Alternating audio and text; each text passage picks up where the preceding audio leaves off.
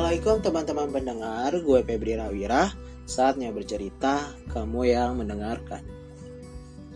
Kalau ngomongin soal sudut pandang, di negara ini sangat sedikit yang diedukasi.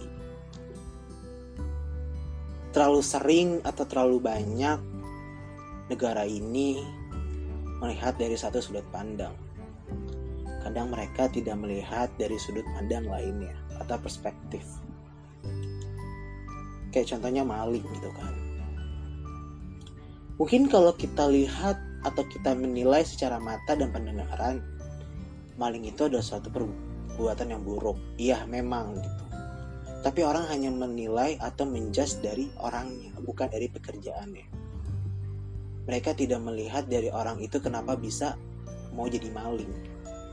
Siapa tahu kalau kita melihat dari perspektif lain atau kita bertabayun atau bertanya atau uh, apa pun itu harusnya kita melihat atau sesuatu yang memang apa yang dilakukan itu untuk apa kenapa dia seperti itu. Entah keluarganya ada yang sakit sehingga dia tidak punya uang atau dia udah bekerja melamar sana sini akhirnya nggak dapet karena mungkin status pendidikannya atau memang belum ada rezekinya atau apa pun itu bukan berarti gue menjas Tuhan bahwa dia nggak dikasih rezeki enggak pasti dikasih rezeki. Rezeki itu kan bentuknya banyak. Tergantung orang cara memikirkan rezeki itu seperti apa ya teman-teman. Dan mungkin dia udah berusaha semampu mungkin mungkin memang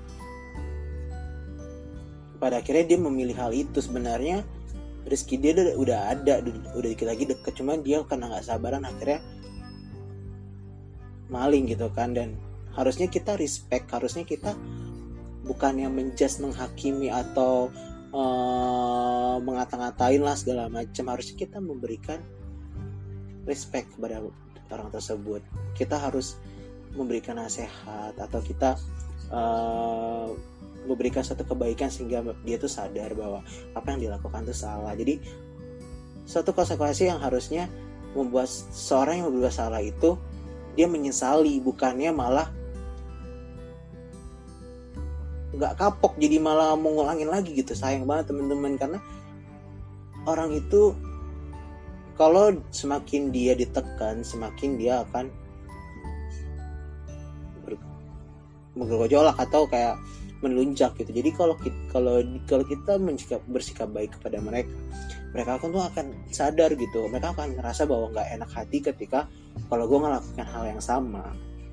Harusnya seperti itu teman-teman. Jadi belajarlah untuk berspektif atau melihat dari sudut pandang lainnya. Karena kalau kalian hanya melihat seseorang atau melihat kesalahan seseorang hanya dari kata orang lain atau katanya si di katanya si ini dia begini katanya si ini tuh dia begini. Belajarlah untuk bertabayun bertanya buat apa? Kalian punya otak punya pikiran tapi kalian nggak pernah melihat dari kenapa kalian nggak gunain pikiran itu gitu. Maksudnya kalian nggak melihat sebuah kebenaran maksudnya perspektifnya orang gitu kan. Siapa tahu ya kita nggak tahu ya. Maksudnya gini kalau kita udah bertanya bertanya bayun kepada orangnya langsung kalau dia mau bohong mau enggak itu kan urusan dia dengan Tuhan ya. Ya kan dan nggak ada kata fitnah dalam diri kita. Kan kita udah bertabayun langsung orangnya langsung. Tapi kalau kita ngomong ke orang ke orang lain atau ke saudaranya yang memang sebenarnya bisa aja melebih lebih lebihkan cerita. Dia dosa kita pun juga dosa yang dengerin gitu. Karena jatuhnya fitnah. Jadi teman-teman harus bisa belajar untuk memahami namanya sudut pandang.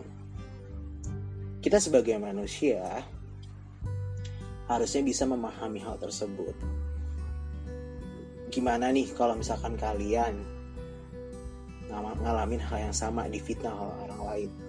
Pasti sakit hati pasti marah kesel. Begitupun juga orang yang digituin teman-teman. Harusnya kalian bisa lah untuk saling bertanya. Bukan berarti dalam ranah kepo ya tapi gini bertanya yang baik bertanya untuk maaf. Tidak menimbulkan fitnah. Jadi segala sesuatunya tuh harus dipertanyakan. Dan teman-teman kayak contohnya gitu. Ada teman kalian yang katanya begini begini begini. Yang katanya nusuk lo dari belakang misalkan gitu. Padahal dia membicarakan lo hanya sebuah keresahan misalkan gitu. Hanya resah ketika dia ngelihat kayak uh, si misalkan si uh, gue nih Febri gitu. Si Febri tuh terlalu marah-marah gitu gue kesel deh gitu. Itu kan keresahan kan.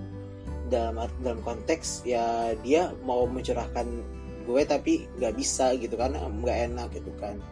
Tapi ketika lo tanya ke orang itu eh si itu dia ngomongin gue di belakang gini gini gini gini gini gini saya gitu. Ngomongin jelek jelek gitu kan.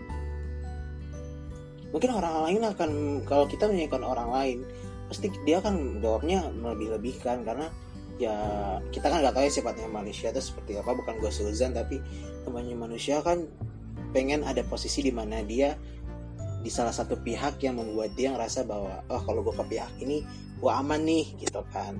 Dan makanya ketika kita punya masalah sama teman kita harus langsung tanya ke dia lo kenapa lakuin ngomong kayak gitu? Kenapa lo menjagain gue dan kalau kita udah saling membicarakan satu sama lain dan menerangkan menjelaskan ya next time ketika ada satu masalah lagi bisa diomongin langsung gitu. Jadi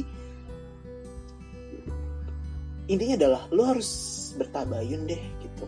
Nggak usah dengerin apa kata orang gitu. Uh, orang ngomong begini uh, lo percaya orang ngomong gini percaya. Makanya gue selalu gue pernah kejadian kayak uh, punya salah satu dulu teman sekelompok atau lingkungan yang memang selalu menggibah atau ngomongin begini begini begini. Ya gue sebagai dulu ngerasa kalau gue ngerasa nih kayak gue butuh perlindungan nih gue butuh sepihaknya dia biar gue nggak diomongin gitu kan pasti gitu. Ya pada ujungnya juga diomongin juga gitu karena kita kan nggak tahu orang tuh seperti apa. Dan dari situlah gue ngerasa bahwa kayak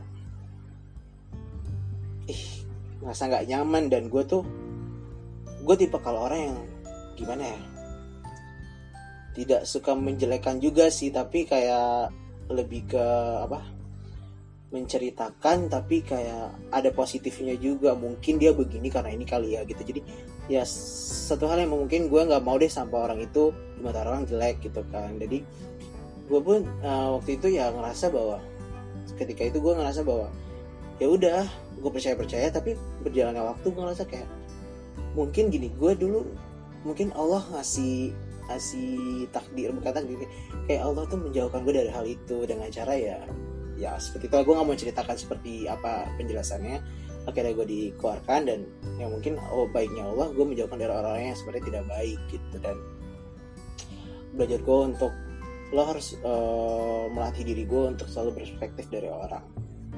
Dan dari situlah gue ngerasa bahwa oh oke okay, jadi ini hikmahnya gitu. Dan tidak semua orang itu buruk banget atau baik banget. Semua itu 50-50 teman-teman. Ada yang baik ada yang buruk.